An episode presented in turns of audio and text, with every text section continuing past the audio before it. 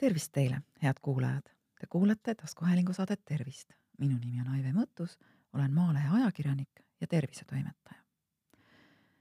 tänase saate teemaks olen ma valinud keskkõrvapõletiku. miks just selle haiguse ja miks just praegu? no ikka sellepärast, et talvisel perioodil põetakse seda haigust sagedamini kui suvel, selleks on ka üks konkreetne põhjus, millest hiljem räägime ja teiseks seetõttu, et möödunud nädala siis neljateistkümnenda veebruari Maalehes ilmus tore lugu perearst doktor Piret Rospuga, kellel on juba aastaid niisugune vahva blogi Sinu terve laps ja selles blogis on ka üks väga hariv ja õpetlik ja vajalik sissekanne keskkõrvapõletikust. no jutud sellest, et kui käiakse ilma mütsita siis saadakse keskkõrvapõletik, on üldiselt aegumatud, aga tõepõhja neil suurt all ei ole. Ja väited sellest, et elevandid peaksid elama troopikas just sellepärast, sest neil on nii suured kõrvad, et siin põhja pool elades nad saaksid lihtsalt kogu aeg keskkõrvapõletikku, ei vasta ka tõele. tegelikult ei teki keskkõrvapõletik mitte väljast kõrva kaudu, vaid hoopis seestpoolt nina kaudu nagu kirjutab äh, doktor Rospuu oma blogis ja lähengi siis mööda seda blogi sissekannet siit edasi. et äh, haiguse olemusest aru saada, on kõigepealt hästi tore äh, tunda inimkeha anatoomiat natuke ja kuna me räägime keskkõrvast, siis, siis alustame kõrva anatoomiast. igapäevaelus oleme me harjunud mõtlema, et äh, kõrv on kõrvalest, sinna juurde siis ka käib kuulmekäik, mida saab siis vatitikuga surkida, kuigi selleks igasugune vajadus ja põhjus, miks seda teha, puudub ja, ja tegelikult seda teha ei tohigi. aga kõrv ei ole ainult see, mida me näeme või vatitikuga tunneme. kõrv on tegelikult kolmest osast koosnev kompleks. see on siis väliskõrv, keskkõrv ja sisekõrv. nüüd väliskõrva moodustavadki siis kõrvalest ja väliskuulmekäik ja sealt edasi tuleb juba keskkõrv mis on väike selline umbes ühe millimeetri, mitte ühe millimeetri, vaid ühe milliliitri suurune kamber, kajakamber, kus paiknevad kuulmeluukesed. ja noh, võib-olla te olete nende luukeste nimesid oma elu jooksul ka kuulnud, need on siis vasar, alasi ja jalus. noh, selline nagu tõeline sepikoda. on huvitav teada, et need on inimkeha kõige väiksemad luud. nii et teinekord, kui, kui keegi küsib, siis te oskate öelda ja keskkõrvast siis veel äh, sissepoole on sisekõrv, kus paiknevad kuulmiselund ja tasakaaluelund ehk siis teisisõnu tigu ja poolringkanalid. nüüd keskkõrva ehk siis kajakambrikest äh, eraldab välismaailmast läbipaistev kuulmekile ja seda kutsutakse ka trummikileks. ja tõesti, see kuulmekile on nagu nahk trummi peal, haljastne ja kui helilaine nüüd väljast kõrva tuleb, siis see paneb kuulmekilega võrk, võnkuma ja see kuulmekile võnkumine omakorda annab siis liikumise edasi kuulmeluudele. tavaliselt terves olekus ehk normaalselt on siis äh, trummikile läbipaistev ja kui arst otoskoobiga ehk siis lambiga teile kõrva vaatab, siis ta võib isegi või õieti saabki läbi selle kuulmekile keskkõrvaruumi piiluda ja sealt on need väikesed kuulmeluukesed ka näha keskkõrval on normaalses olukorras välismaailmaga ainult üks ühendus ja see on kitsas kanalike nimega kuulmetõri, mille üks ots siis avaneb keskkõrva ja teine ots jõuab ninaneelu. normaalses olekus on see kuulmetõri kokku vajunud ja avaneb regulaarselt ja sedasi loomuliku ventilatsiooni abil püsibki rõhk keskkõrvas kogu aeg samasugune kui õhurõhk väliskeskkonnas kuulmetõre olemasolu olete te tõenäoliselt tundnud äh, lennureisil, kui lennuk tõuseb või, või maandub ja sellepärast soovitataksegi siis sellel ajal kas nätsu närida või lutsukomme lutsutada, väikeste lonksudega vett juua või siis, kui teil on väike laps kaasas, siis imikule anda rinda, et ta neelataks. sage neelamine aitab rõhkusid ühtlustada ja ei teki äh, kõrvas valu ja kõrv ei lähe ka lukku.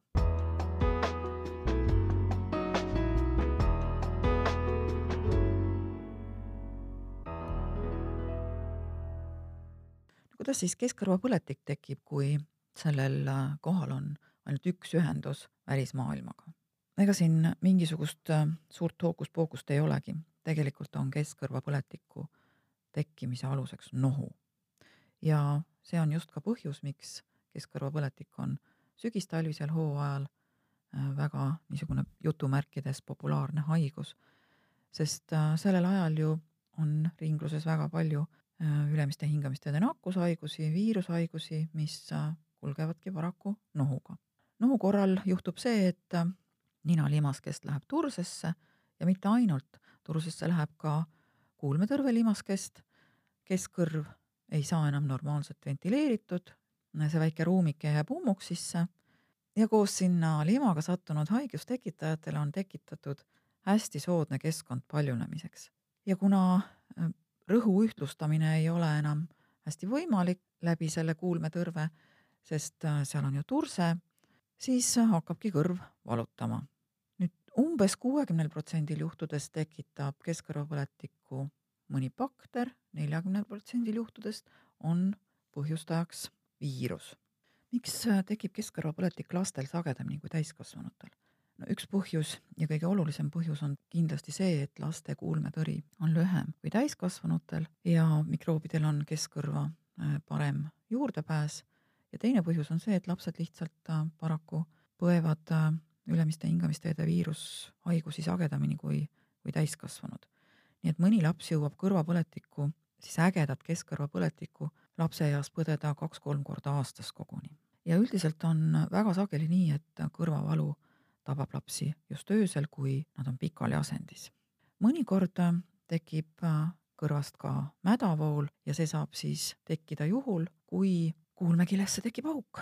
lapsevanemad mõnikord ehmatavad selle peale ära, kui lapsel kõrvast mäda voolama hakkab, aga paanikaks põhjust ei ole, isegi tilgake verd võib sealt tulla ja siiski veel ei ole paanikaks põhjust. Äh, tegelikult on asi siiski pigem hea kui halb.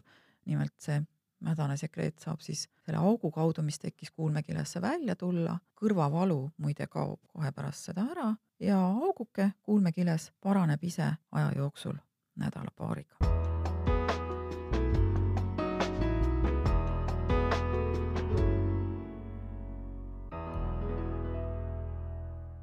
nüüd, kuidas keskkõrvapõletikku ravitakse? no kuna tegemist on väga sageli bakteriaalse nakkushaigusega, siis võib osutuda vajalikuks kasutada antibiootikume. aga üsna mitmeid aastaid juba ei määrata antibiootikume mitte alati ja igal juhul, kui keskkõrvapõletik on.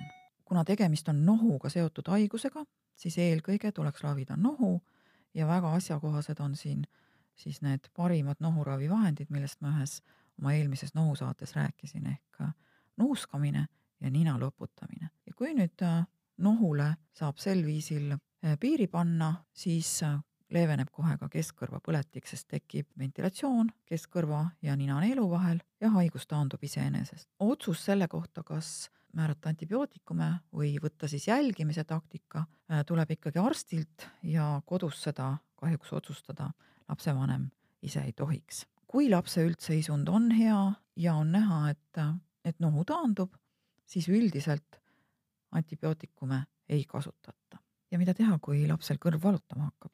ega seal muud suurt ei olegi teha, kui anda paratsetamooli valu vaigistamiseks ja minna arsti juurde.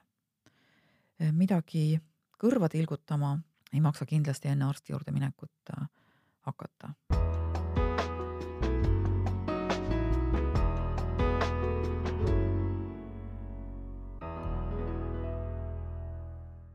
ja nüüd äh, keskkõrvapõletiku teema lõpetuseks äh, mõned praktilised küsimused. kas keskkõrvapõletik tekib sellest, et tuul puhub kõrva?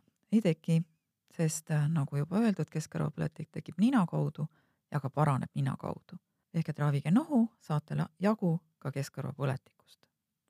kas keskkõrvapõletiku korral on abi sellest, kui vatitropp kõrva toppida?